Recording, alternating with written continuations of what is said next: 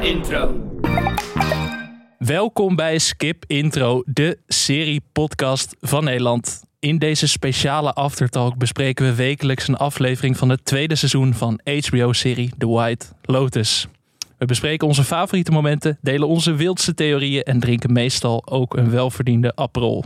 Nou, tenminste, die drink ik eigenlijk altijd. Daar komt het op neer. Mijn naam is Alex Mazereel en ik zit hier zoals elke week met twee mega-fans van The White Lotus. Dat hoop ik tenminste. Allereerst een heel warm welkom aan schrijver, feminist en maker van de razend populaire podcast Damn Honey. Welkom Marilotte Hagen. Dankjewel. Hoe is je gevoel bij het tweede seizoen van The White Lotus nu toe? Nou ja, ik zit er weer helemaal in. Ik vind het echt uh, heel knap hoe mensen het voor elkaar krijgen om mij zo zenuwachtig te houden. Elke, elke aflevering weer. Ik zit, ik knap bijna uit elkaar van de suspense. Ik vind het uh, erg. Uh, het is echt al gezet. zes weken lang word je echt uit elkaar getrokken van die spanning. Ja, hè? Dat, en dan denk ik, wanneer boven. geef me nou Ja. iets? Geef me nou iets. En deze aflevering kregen we wel iets. Ook hier aan tafel en ook een heel warm welkom aan cabaretier, presentator en radio- en podcastmaker Carolien Borgers. Carolien, ben je ook al helemaal ondergedompeld in de Siciliaanse taferelen in dit seizoen? Ja, ik was afgelopen zomer ondergedompeld eh, in de Siciliaanse tafereelen. Oké. Maar eh, nu eigenlijk nog Nu meer. echt. Ik zit er Ja. nu pas echt. eh, ik ben nu pas echt op dat eiland. Ja. Hoe heb je dat eiland ervaren destijds? Destijds een stuk rustiger dan dat ik de serie ervaar, moet ik toegeven. Ja. Geen stressvol eiland? Nee, een heel relaxed eiland. Maar de serie is zeker stressvol. Maar wordt ook wel stressvoller. Ik vond hem wel de eerste paar afleveringen. bedoel, De suspense na natuurlijk de dodo in de zee. En eh, op het strand wa- was wel aanwezig. Maar ik vond hem ook wel kabbelen. En ik vind hem nu, zeker Ja, nu, deze eh, laatste aflevering. Ja. Nu snap ik, ah, wacht even. Dit is wat we gaan doen. Zoveel stress ook. En in seizoen 1 was dat misschien nog meer aanwezig, omdat die soundtrack ook nog zenuwachtiger was de hele tijd. Maar dat komt nu ook weer een beetje terug. Ja, idee is in het tweede weer. seizoen. Het is weer helemaal terug de stress. Laten we het dus heel snel gaan hebben over de één na laatste aflevering van dit seizoen. Abductions. Skip intro. Skip, skip, skip, skip. Intro. Skip, skip, skip, skip. Intro. Skip, skip, skip. Alle puzzelstukjes vallen langzaam op hun plek in de voorlaatste aflevering. Ethan begint langzaam door te draaien als hij denkt dat Cameron en Harper een affaire hebben. De drie generaties komen van een koude kermis thuis als blijkt dat hun familieleden ze niet per se met open armen ontvangen. En Tanja, tja, arme Tanja lijkt langzaam te worden meegezogen in een co-complot waarin niet alleen Quentin en fuck nephew Jack betrokken zijn, maar misschien ook wel cowboy Greg. Met nog slechts één aflevering te gaan is het spel nu echt op de wagen. Wat een aflevering was dit weer. Echt We gaan het straks natuurlijk hebben over de grote plot twist die in deze aflevering zat. Maar eerst gaan we het hebben over onze favoriete momenten. En laten we bij jou beginnen, Marilotte. Eh, nou, ik ging eh, erg lekker op het gesprek tussen eh Portia en Tanja. Dit is de, de day after. Nadat Tanja nou ja, het, het neefje Jack met Quinton heeft betrapt. En denkt, volgens mij is dat helemaal geen neefje. Nee. En ik weet dat in de vorige aflevering van eh, Skip Intro... eh, waren alle, alle medepraters het er wel over eens dat zij niks zou zeggen. Maar ik dacht, volgens mij gaat ze wel wat zeggen. En ze deed het ook. En dat vond ik wel. Ik vond het. Het paste eigenlijk wel. Want ik denk dat zij toch een soort. Ik weet niet, ze heeft wel een soort vertrouwen. Tanja heeft een soort vertrouwen opgebouwd nu met Porsche. En toen, en toen zei ze dat ook. En dan heeft ze het over dat ze zichzelf herkent in Porsche. Dat ze een soort jongere versie van zichzelf ziet. En het is eigenlijk een soort waarschuwing. Mhm. Van eh, ja, ik, ik vroeger, toen kleedde mijn moeder mij aan als een pop. En ik wachtte tot er iemand met mij ging spelen. En daar wil ze dan Porsche voor behoeden. En eh, ja, dat vond ik wel, eh, wel echt wel mooi. Ehm, Het was een hele lieve scène ook. Zo. was- Tanja, we zien Tanja niet vaak zo invoelend of zo. Ze hebben we nog niet vaak gezien. Nee, en ze nam nu een soort van. Dit was echt. Dit was haar actie, wat zij Ja. deed. En het is natuurlijk wel net zoals ze beschrijft: van oh, ik ben een pop. Want alles overkomt haar de hele tijd. Of, Mhm. en ze laat ook met zich spelen. Maar ze heeft dus wel het idee van: oké, maar dit wil ik. Ik wil niet dat Porsche in ditzelfde verhaal terechtkomt als ik. Ik wil dat zij haar narratief verandert. Dus ik moet haar nu waarschuwen, want dit wil je eigenlijk niet of zo. En ik vond het extra soort van treurig bijna, omdat je dan die avond dan, dan wordt Tanja eigenlijk weer aangekleed als een soort pop. In zo'n Mhm. babydoll dress, in, de zeg zalm, maar. in de zalmkleuren. Ja, en dan moet ze zo ronddraaien en dan wordt ze ook zeg maar van in de armen gegooid van al die nieuwe vrienden van haar. En ze gaat natuurlijk naar bed met die, met die, met die drugsdealer.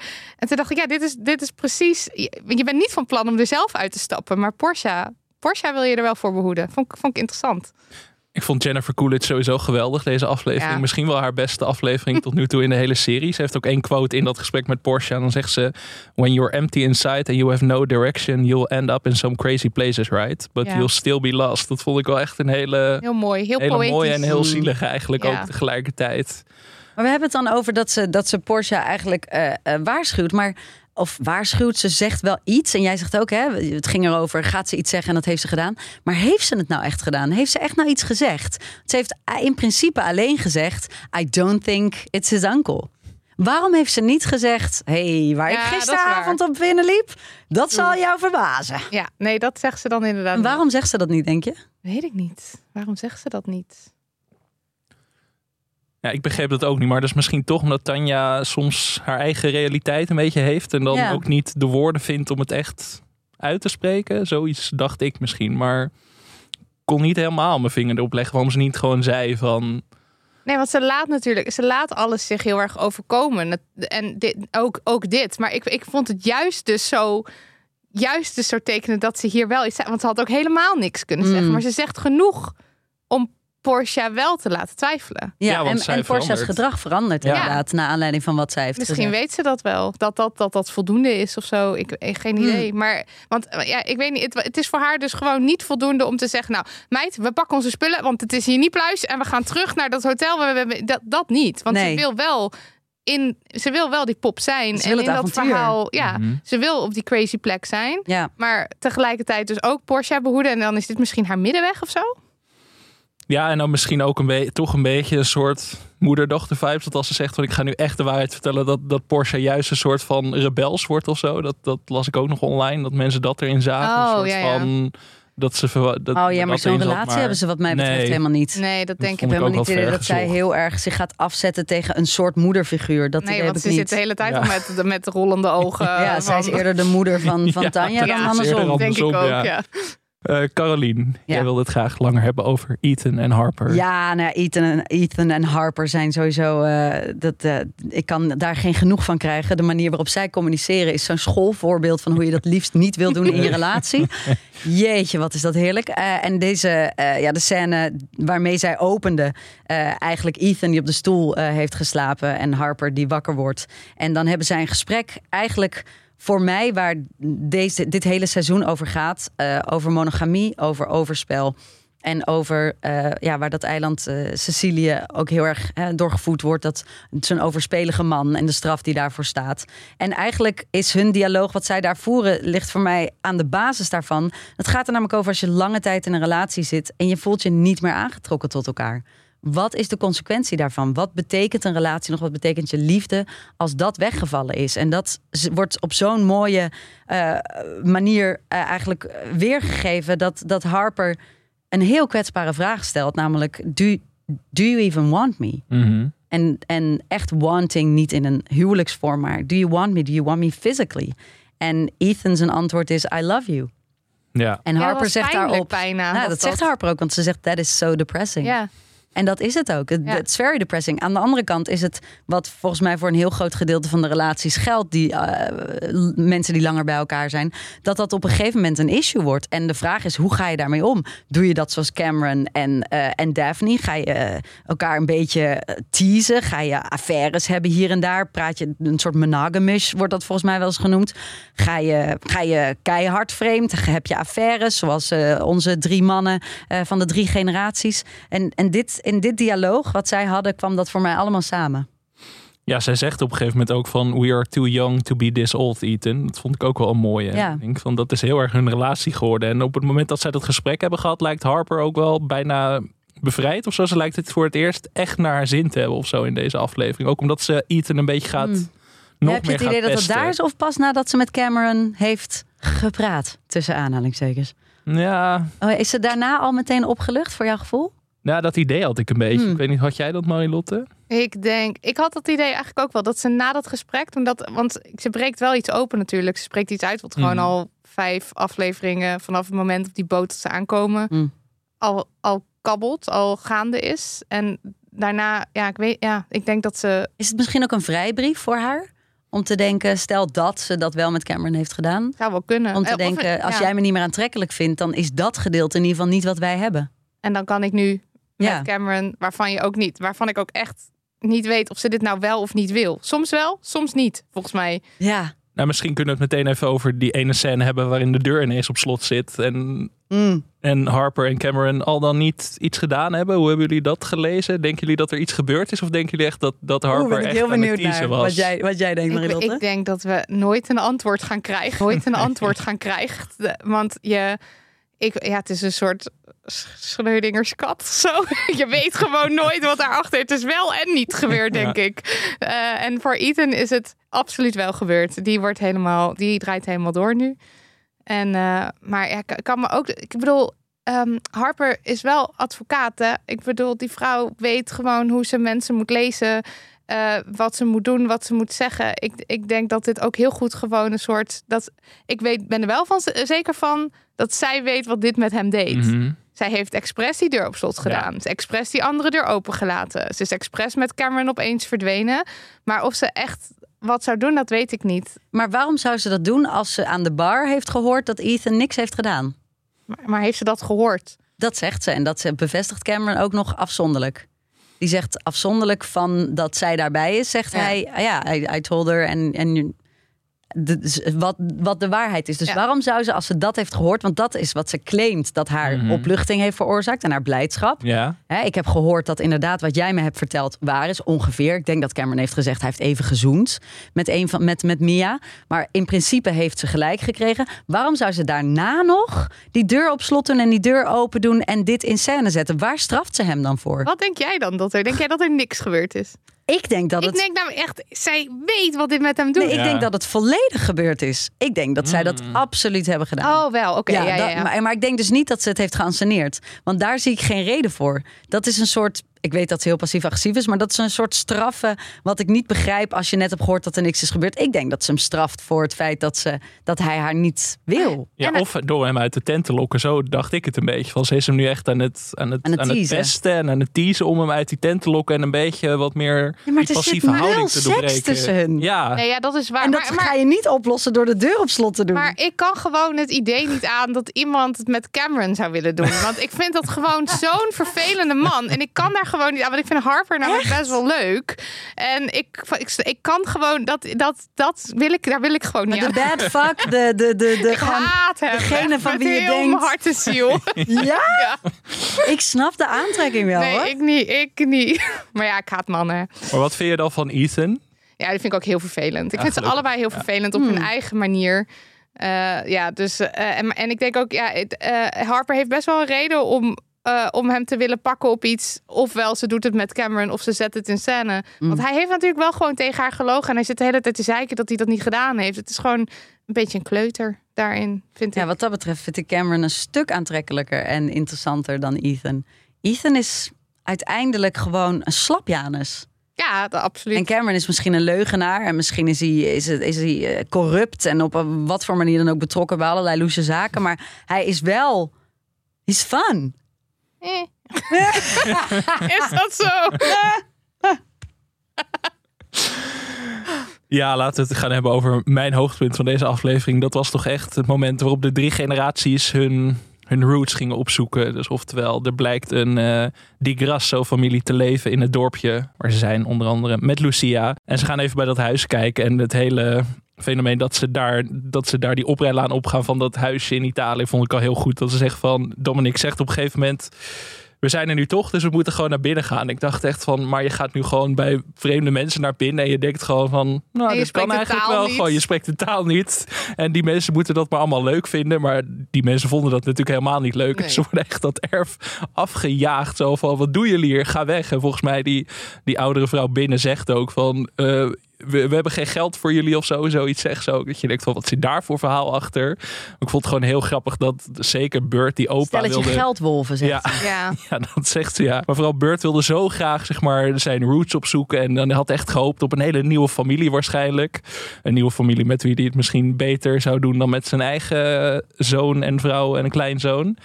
En dat bleek gewoon een complete desillusie te zijn. En dat vond ik echt heel grappig. En dat vond ik ook wel mooi, die cynische toon van deze serie vangen. Hoe hebben jullie daar naar gekeken, naar die drie generaties in deze aflevering?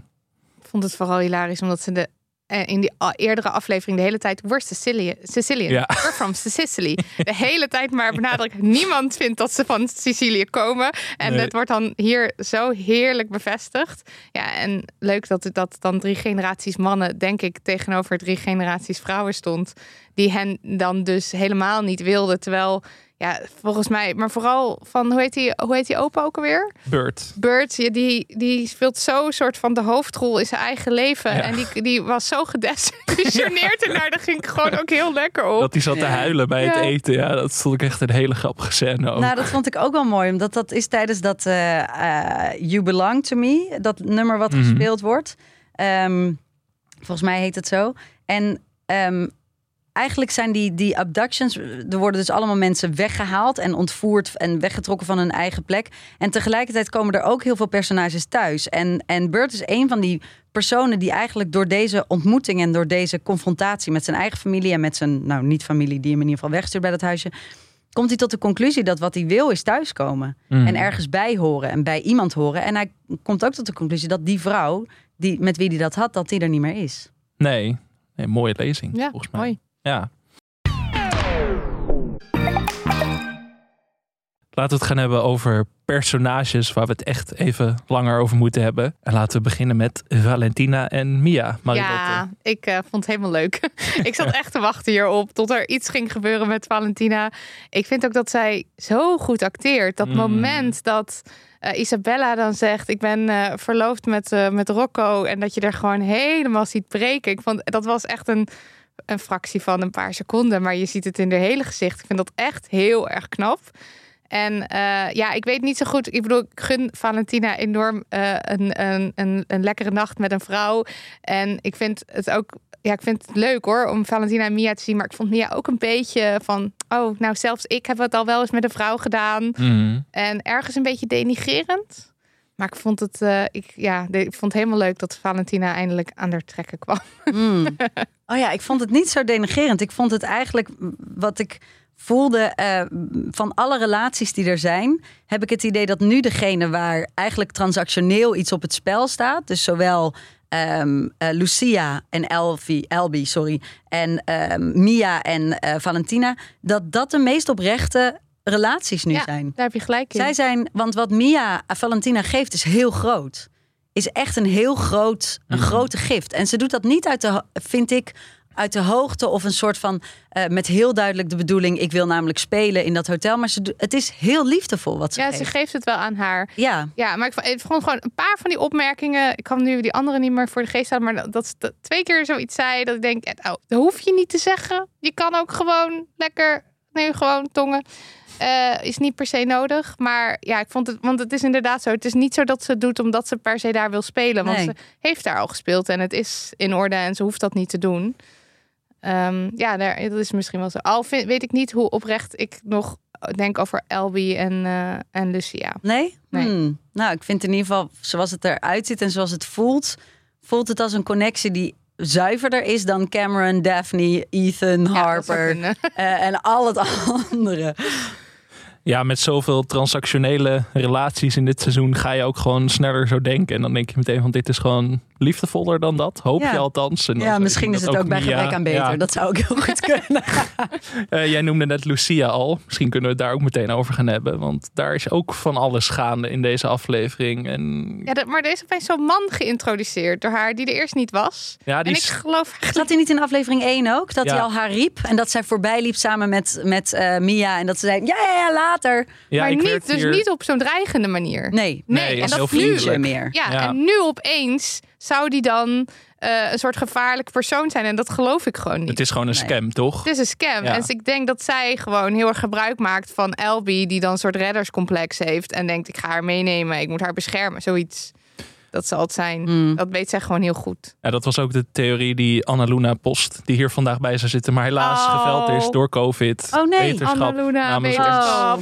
Maar die heeft een heel draadje met al haar theorieën op Twitter gedeeld. En die zullen wij ook even in de show notes zetten. Maar die zei onder meer ook, die verwachten dat Elby een soort van door dat reddercomplex een slachtoffer gaat worden aan het eind van dit seizoen. Oh, ja, dat en is dat, interessant. dat Lucia net iets te ver gaat met die hele scam. En dat Elby dan een soort van slachtoffer daarvan wordt. Het voelt dus alsof hij dat niet gaat doen. Omdat hij elke keer als zij het echt eigenlijk hem op de proef stelt, geeft hij, laat hij haar gaan. Mhm. Ik dacht dus dat inderdaad ook dat hij de redder zou zijn bij die eh, ontvoering met die Ja. auto.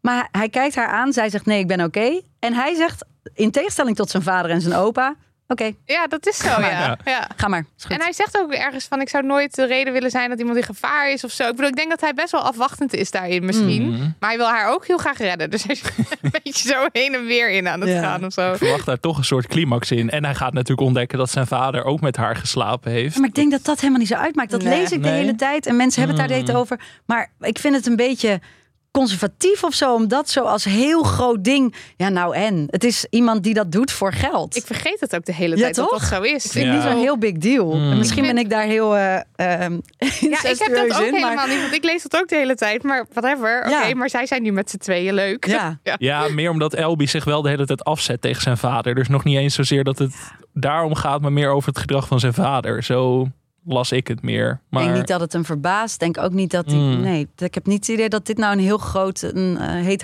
hangijzer gaat worden. het was wel grappig op het moment dat Lucia dus meeging met Alessio in die auto. Dat Bert ook nog even uitstapte en zei van, don't go Nee. with her. Ja. Zo echt zo totaal zinloos. Terwijl ze echt al bijna weggereden. Dat hij dacht, maar ik ben nog even de macho uithanger. Ja.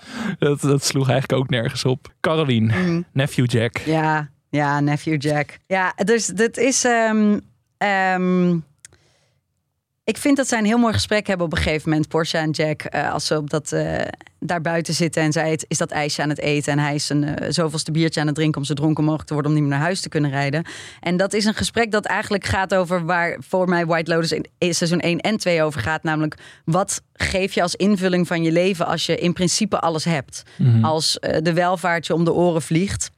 Wat is dan de essentie? Wat is, je, wat is je kern en waar leef je voor? En neefje Jack eh, somt dat eigenlijk best wel goed op. Die staat zo anders in het leven dan Porsche. Porsche is alleen maar on- ontevreden. Zit alleen maar op de telefoon. Is alleen maar aan het klagen over alles. En hij heeft een totaal andere eh, eh, insteek. Een beetje een united insteek. Ik hou van bellen blazen. Mooie bubbels in de lucht. Hij denkt geloof nou maar in die bubbels die we creëren. En ga daarop, vaar daarop. En dan heb je een stuk gelukkiger, een, een gelukkiger leven. En uiteindelijk komen we natuurlijk ook achter waarom dit zijn levensinstelling is. Omdat hij, zoals hij zelf zegt, in een heel groot zwart gat heeft gezeten. Dus er is iets met hem gebeurd. Het voelt een beetje als een, al- een drugsverslaving of als enorme schulden of als Mhm. iets Ja. waar hij in ieder geval nu. eh, hè, ik, ik heb het idee dat onze oom. eh Quinten heeft gezegd tegen hem: Als jij dit voor mij doet, hè, dat andere zwarte gat vult voor mij, dan zorg ik dat jij eh, geld genoeg krijgt om je schulden af te betalen of wat dan ook. En ik vind dat zijn personage opeens zoveel diepere, een veel diepere laag kreeg. Je zag Jack voor wat hij is: een hele worstelende, eh, een heel worstelend man met een waarschijnlijk eh, heel verschrikkelijk verleden. Ja. Die ervoor kiest om in bubbels te geloven. Ja, mooie scène ook wel. vond ja, heel dat. mooi. Altijd moeilijk om dronken te spelen, volgens mij, voor een acteur. Of tenminste, dat is misschien heel makkelijk. Maar zeker als je dan ook nog zo'n hele monoloog weer moet stoppen over dat, die hole die je moet vullen, zeg maar. Dat vond ik wel knap gedaan. Accent helpt wel. Accent helpt Ja. zeker ook. United! Ja, nu we toch een beetje in die hoek zitten, moeten we het maar gaan hebben over de grote plot twist in deze aflevering. Want ja, is Greg de cowboy waar Quentin het vorige week over had? hoogst waarschijnlijk ja, wel. hoogstwaarschijnlijk wel, hè? Ik Is dat wel een interessant genoeg plot twist, vinden we eigenlijk? Ik vind hem wel weer erg. ik- de- het is ook. Dit was niet wat seizoen 1 was. Seizoen 1 was gewoon. eh, de- er was een moord en op een gegeven moment komen we erachter hoe dat gebeurt. Maar dit is blijkbaar een hele soort van setup. En hij werd geïntroduceerd in Hawaii. En nu is Greg ineens met haar getrouwd. En blijkt het echt onderdeel van een heel intrige. En Dat is ook wel grappig, want seizoen 1 was echt bedoeld als een miniserie. Dus Ja. het is niet zo dat, dat Mike White, de maker van deze serie, volgens mij Greg echt toen al heeft geïntroduceerd als een personage dat nu een soort Nee, maar dus denken van van, vier oh, jaar heeft gepleegd of zo. die Greg, die we Ja. toen hebben, die gaan we nu gewoon... En dat, eh, ik weet het niet zo goed Ja. hoe ik me daarover voel. Hmm. Hoe denk, hoe denk jij erover? Nou, ik vind het wel heel leuk dat hij. Kijk, we denken de hele tijd dat, dat Jennifer Coolidge, dat Tanja degene is die we nu volgen naar, het vol- naar de volgende plek. Maar hij was er al eerder, hè? Greg was al in het hotel toen Tanja aankwam. ja. Dus we volgen eigenlijk Greg. het is Greg's verhaal. Het is Greg's Ja. verhaal. Maar ja, Greg is wel heel erg weg nu weer. Ja. Ja, maar het blijft denk ik dan wel Greg's verhaal aangezien zijn grote liefde, degene tegen wie die I love you zegt in de badkamer als Tanja eh, wakker wordt van geluiden, eh, eh, in geldnood zit en een palazzo heeft en verder niks meer. Maar de rol van Greg is wel raar in die zin. Want, want Quentin zei vorige week van dat, dat hij heel erg verliefd op hem was. Maar hij niet zozeer, zeg maar, de cowboy niet op hem. Dat was een beetje het ding, toch? Dus dat er vooral seksuele aantrekkingskracht was. Maar dat, dat hij, of dat die cowboy uiteindelijk te, volgens mij te hetero was of zo. Zo zei hij het ongeveer. Ah, en, en hij is vier keer getrouwd, toch, Greg? Ja. Dat zegt hij ook ergens. Ja. Inclusief, eh, inclusief eh, Tanja. Ja, want Tanja Vier schrok daarvan, want die zei, hè, dag drie? Ja, en dan is het nee, vier inclusief jij. En maar, ik bedoel, het verklaart bijvoorbeeld wel waarom die de hele tijd Porsche weg wil hebben. Ja. Want dat is annoying voor hem. Dat, dat, maar die vier keer getrouwd, is hij dan de hele tijd bezig met rijke vrouwen opsnorren of zo? Waar zijn die vrouwen dan, als hij met vrouwen getrouwd Oh, is? dat zou Waar zijn die zijn. mensen dan met wie die getrouwd was? Ze, heeft hij ook allemaal daar het fortuin afgetroggeld? En is hij degene van adel of is het Quinten? Want het is dan een, een Europe. Want ze hadden het ergens in de serie over een Europese adel. Die hebben dan nooit geld, maar die wonen in hun palazzo's, toch? Dus dat zal, dat Mhm. zal dan ofwel Greg ofwel Quinten zijn. Maar ja, ik ben heel benieuwd. Ik ben benieuwd, maar tegelijkertijd denk ik, oh ja, oké. Heb jij heel erg die Madame Butterfly? eh, eh, ik zat in, eh, plo- of in acte 7 eh, in mijn research, maar ik heb het niet gered tot Nee, helemaal de laatste Ik ook acte. niet, nee. Maar er, zit, er moet iets zitten in de vergelijking tussen Madame Butterfly en, en, en eh, Tanja. En dan zeker met de man die haar... Want da- in, in Madame Butterfly is dat volgens mij ook een soort engineer. En dat is Craig ook. Dus er Mhm. zit daar een overeenkomst. Ja. Maar hier heb je niks aan als luisteraar, want ik heb het dus niet genoeg uitgediept. Nee, nee, ik heb het ook het meest basale ooit, zeg maar. Ik weet alleen het einde. Dus dat, Dat met dood. Ja, dat ik is ook, ja. Ja, ja. dat, dat weet Ik je. heb Ja, maar even dat is zitten niet heel... vanmiddag, maar ik, ik heb, het was te lang. Dus Ja. toen dacht ik, dit is te lang. Ik vond de Wikipedia-pagina ook veel te lang. Veel Dus te lang. Mochten was- wij kenners hebben onze, onder onze luisteraars, laat het vooral weten. Ja. Korte recap. Maar wordt er, wordt er nou gesext tussen eh, eh, Tanja en deze eh, drugsdealer, omdat zij dan eh, in haar huwelijk vreemd gaat? Want als dat de kern is van de, van de serie, wat ik denk, dus hè, monogamie, vreemdgaan, overspel, ehm, dan eh, gaat, hij nu, gaat zij nu heel veel geld verliezen. Want Ja. dan heeft, maakt hij, kan hij aanspraak maken op heel veel geld. Dus is dat waar dit allemaal naartoe ging? Ja, Greg dat zij heeft vreemd het moest gaan? in een van die eerste afleveringen over een prenup, volgens mij heet Ja. dat. Dus dat is, maar ik weet, ik, Huwelijksvoorwaarden? ja, huwelijksvoorwaarden inderdaad. Dus misschien dat daar iets zit. Maar ik denk inderdaad niet dat ze haar dood willen. Want er zat natuurlijk ook eerder een soort monoloog van Quinten in de serie. Dat eh, over die vrouw die op dat eiland leeft en zichzelf toen Ja, van die al dan niet met hulp van de Ja. maffia heeft Ja. eh, van zijn rots heeft gegooid. Of daar nog een theorie in zit. Er zijn best wel veel luisteraars die gewoon vol erop inzetten dat Tanja doodgaat aan het eind van dit seizoen. Hoe Mm. zien jullie dat? Ja, dat dacht ik ook. Maar toen dacht ik wel, dan moet dat lijk vanuit Palermo helemaal naar Taormina. Dat is best een end. Dat zijn echt behoorlijk wat kilometers. Ja. Lijkt mij moeilijk. Dus nu dacht ik het opeens niet meer. Ik denk ook dat het meer over dat vreemd gaan gaat. Mm. En sowieso dat hele verhaal dat, dat die gast van de maffia zou zijn, was ook wel heel, lag er zo dik bovenop. En met dat wapen, dat was gewoon. Mm. Ik las het meer dat dit gewoon een sekswerker was die ze hadden ingehuurd. En Ja, dat denk niet ik iemand ook. was die Ja. bij de maffia zat. Maar dat wordt dan dus gefilmd. Dat wordt Ja. dan getoond aan een rechter. En dan kan Craig dus aanspraak maken op de helft van haar vermogen, zoiets. Ja, ja. En dat is dan een heel ouderwetse manier om tegen Ja. relaties aan te kijken. En dat is dan de kern van de serie. ja, dat zou zou wel een beetje, een beetje flauw zouteloos zijn. zijn. Ja, toch? Ja. Nou, ik wacht dus nog steeds op iets wat het iets minder zoutloos maakt. Ja, daarom vond ik dat wat Jack, zeg maar, die legde eigenlijk alle plannen zo'n beetje op tafel toen hij dronken was. Dat vond ik al verdacht. Dat ik denk, als je dit zo nadrukkelijk gaat zeggen in de voorlaatste aflevering, dan komt er volgens mij nog een extra twist. Want dit voelt te voor de hand liggend. Zin Maar in stel de dat het niet zo is, dan is het heel erg Dan teleurstellend. is het wel een beetje teleurstellend, ja. Maar ja, ja Mm. god, arme Tanja. Ja, ik wel weer heel erg gelachen om die soort van coke slash dans Het La slash Grande drugsorgie. Ja, dat was wel echt fantastisch En, en ze houdt er natuurlijk gewoon van, want dit is wel helemaal haar ding. Dus, maar, en, maar wacht, zijn we al bij het gedeelte waar we zeggen dat, we, dat wie er dood gaat? Is dat wat we doen nu of nog niet? Mag alvast Heb jij hoor. een hele Ja. duidelijke... Ja. Nou ja, nee, maar ik weet nog wel dat zij. Ik heb die eerste aflevering nog een keertje zitten kijken. En zij zegt dan op een gegeven moment ook tegen hem. Dan heeft ze seks met Tanja, heeft seks met Greg. En dan, dan heeft ze zo'n. Is aan het dissocio, dissocio, disassociaten. Ja. En dan zegt ze. There were all these men with effeminate hairstyles. Nou, dan zijn die, die nieuwe groep mensen. En you had shark eyes. Just dead. Completely dead. En dan denk Hmm. ik, is, dat, is Greg niet gewoon hartstikke dood? En ik denk dat Greg is. In het water. Ja. En de re- andere bodies ben ik nog niet helemaal over uit. Maar Greg ligt in het water. Maar dan... Waarom moet zij dan seks hebben met deze drie dealer? Misschien gaat het gewoon helemaal fout. En duwt zij hem van een klif of zo. Jij denkt dat Craig dood is nu al. Niet dat zij, dat Tanja erachter komt en dat ze Greg dan vermoordt? Nee. Hm.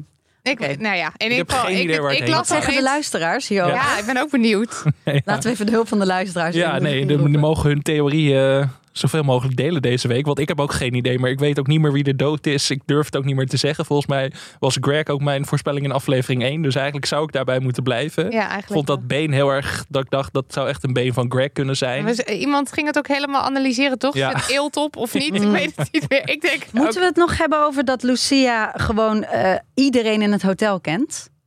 Ja, Ja. Want dat was zo'n Ja. rare scène dat Ja. zij die auto instapte en dat ze nog even ging praten met het broertje van een vriend van mij. Ja. Maar hij roept haar echt, deze bellboy eh, van het hotel. Dus er, ik heb ook nog het idee dat zij veel meer bepaalt dan we Wat nu weten. gebeurt. En dat ze misschien veel meer te maken heeft met die moorden of ja, dan we nu denken.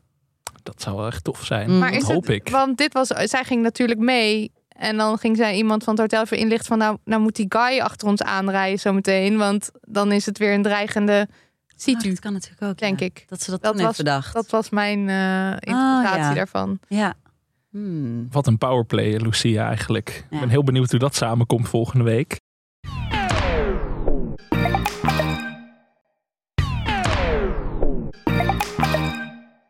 Ehm, sowieso even een shout-out naar luisteraar Job, die in de Facebookgroep vorige week al zei dat Quentin en Greg vriendjes zijn en dat Greg doodgaat. Dus dat sluit aan op Oh wat ja. wij zeiden. Hey. Dus die was er vroeg bij. En ja, dan, dan eh, moet ik even iets rechtzetten. Ja, Heel veel berichtjes over Door gekregen deze week. Door het stof.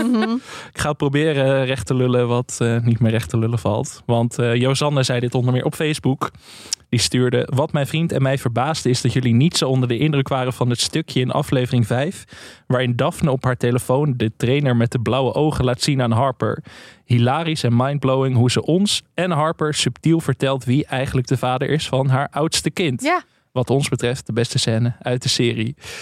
Jullie Ehm, ging totaal over jullie hoofden heen. ja, dit, dit heeft bij mij in ieder geval een reden. Want ik had toen nog screeners. En dat is goed om te vermelden. Als je screeners krijgt, zijn de afleveringen niet altijd af. Dus dan moeten er soms nog video-effecten aan worden toegevoegd. Ah, je hebt... Ah. Dus ik heb het telefoonscherm kon ik niet zien in mijn, in mijn aflevering toen. Dus ik heb Mm. twee keer de aflevering gezien zonder plaatje op de telefoon. En ik dacht gewoon, oh, dat zal wel gewoon goed zitten, weet je wel. Dus een beetje laksheid, maar ook een... eh, Ja, oké. Even een maar- Ja, ja, ja. Ik dacht, wow, oké. dit Ja. is dus blijkbaar niet... Of eh, Cameron is blijkbaar niet de vader. Maar ik vind sowieso heb ik allemaal... Ik heb bij, Daf, bij Daphne denk ik ook echt... Er zit zoveel meer achter Ja. deze vrouw. Want zij is zo happy peppy. En dan soms zegt ze ineens... Want ik bedoel, in de eerste aflevering... Die ik dus nu nog een keer gekeken heb... Zegt ze ook zo eh, tegen die twee vrouwen aan dat strand... Vlak voordat ze het water inloopt. eh, you're gonna love it here. You're just gonna die. Ja.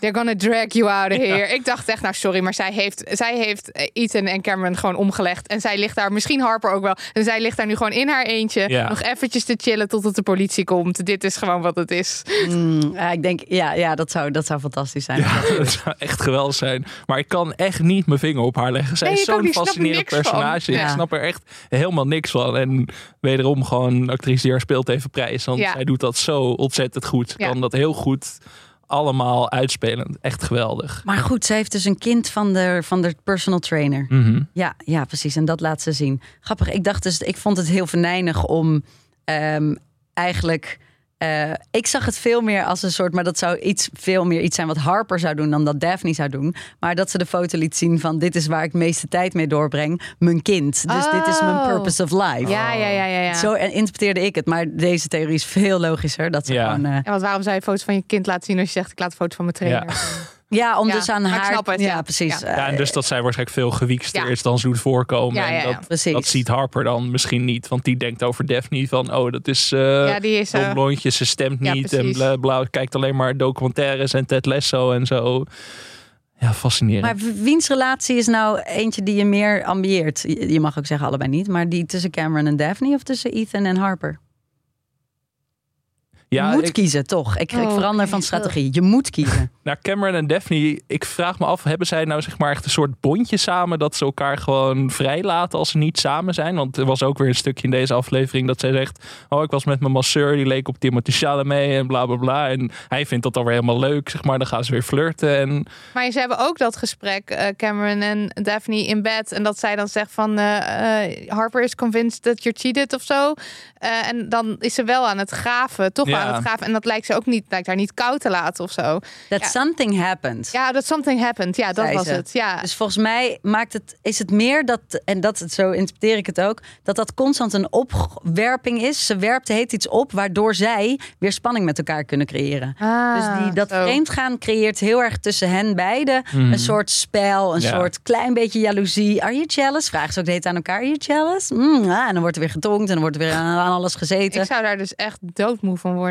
Echt. Ja, ik- Ik- maar- de andere optie is geen seks. Ja. Nou ja, ja, maar kijk, de andere optie is dan dus Ethan en Harper zijn, maar dan dus wel op een gegeven moment het gesprek kunnen openbreken en dan dus uit elkaar gaan en dan dus geen relatie hebben, denk ik, hoop ik. Mm. Dat, ik, ik vind dat een veel eerlijkere, chillere manier van in- met elkaar omgaan dan wat Harper. Ik zou daar ook echt super zenuwachtig van worden de hele tijd. Als, als je als je soort van onoprecht niet met elkaar. Ik bedoel, want ik weet niet wat de afspraken zijn tussen hen.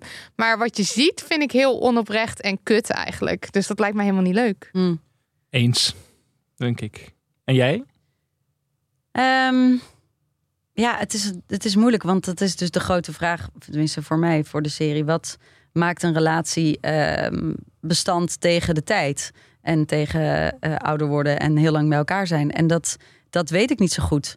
Maar het is wel zo dat de, de relatie tussen Harper en Ethan een stuk liefdelozer is dan die tussen Cameron en Daphne. Ja. En ja, ik, ik zit het vreselijke- lijkt. Liefdeloos lijkt, ja, whatever works. Voel, zo voelt het een beetje. Whatever works. En het leven is eh, moeilijk genoeg als je het allebei eh, een baan hebt. Nou, Daphne heeft volgens mij geen baan. Of zeg ik nu iets heel erg? Nee, volgens toch? mij zorgt hij vooral voor de Sorry, ja, kinderen. dus dat Ja. is ook een baan. Maar goed, dat is een andere baan dan... Geen eh, betaalde baan. eh, jammer genoeg niet. Dan, eh, dan eh, Harper heeft. Ehm, maar goed, je hebt een druk leven en kinderen. En ja, misschien is dit wat voor hen heel goed werkt. Ja, en dan Ze- ben ik all for it. Maar Ja. het is gewoon meer wat je ziet. Dat lijkt me gewoon doodvermoeiend. En, en, en daarom, wat, ik weet niet wat de afspraken zijn Ja. tussen hen. Als dat helemaal is hoe zij lekker in het leven staan. En dit, zij hebben hierover gepraat en dit, dit is hoe we het doen. Good for you. Ja. Verwachten jullie volgende week nog een grote meltdown van Ethan? Want daar gaat het in deze aflevering heel sterk naartoe. Hij heeft op een gegeven moment ook die fantasie dat hij, dat hij Harper en Cameron bezig ziet in zijn hotelkamer. Ja, ik denk wel dat hij ontploft. Denk jij dat? Ja, ook? ik denk het ook, want dit was de stilte voor de storm. Er waren ook Ja. heel weinig ruwe zeeën dit keer. Er was bijna geen klotsend water. Het was Mhm. allemaal volle maan en strak. ja. Hele rustige, serene beelden. Dus ik denk dat ons wel duidelijk wordt gemaakt dat het volgende week very rough wordt. Ja, en Daphne was echt nergens te bekennen ook. hè. Sorry, maar er gaat echt een ontploffing komen Ja. van die vrouw. Ik zweer het je. Ook heel veel Jij zin gelooft in. dat zij gewoon iedereen kapot gaat maken? Ja, Dat zou wel fantastisch zijn. Eh, Marilotte, jij wilde het ook nog eventjes hebben over het eten. Oh ja, dat was wel Ja. echt eventjes.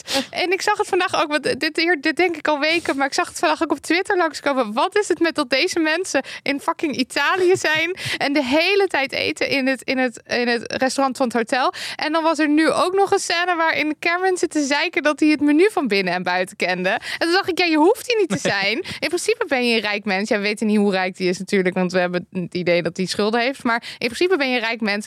Pak de auto eh, en ga ergens eten, want je bent in Italië. Is het niet een metafoor voor een eh, monogame relatie? Ja. Mooi. Maar dan nog. Je kent het menu op een gegeven moment uit je hoofd. Ja. Ja, En ja, wat ga je ja. dan doen? Wat ga je dan eten? Nou, dan ga je dus naar buiten, hopelijk voor hem. Echt, eh, echt mensen, ga ergens anders eten. Je kan toch niet moe worden? Eventjes, ah, kan daar niet Maar we heen. zien ze ook niet eten. Dat vind ik zo frustrerend. je zo. bent in Italië. En ik denk dat even, weet ik van de Sopranos of zo. Waar je altijd honger van kreeg. Als je al die lasagne, Mm. cannoli, pasta op tafel zag staan. dacht je altijd, ik wil nu Italiaans eten. En je ziet hier alleen maar die Aperol. hele die Ja, en Aperol. af en toe een ontbijt. Af en toe Ja. wat fruit en een cracker Ja. naar binnen En een gaan. Oreo creamcake of weet ik veel wat. Ja. Echt wel, maar dat is natuurlijk bewust. Maar echt inderdaad, ga gewoon lekker eten. Ja, en ik snap het ook wel, want je wil die mensen in een restaurant hebben waar ze dan de hele tijd allemaal Mhm. elkaar tegenkomen en dat er dingen gebeuren en zo. Maar Een welgemeend advies aan alle rijke mensen. Ga buiten de deur eten. Ja. ja.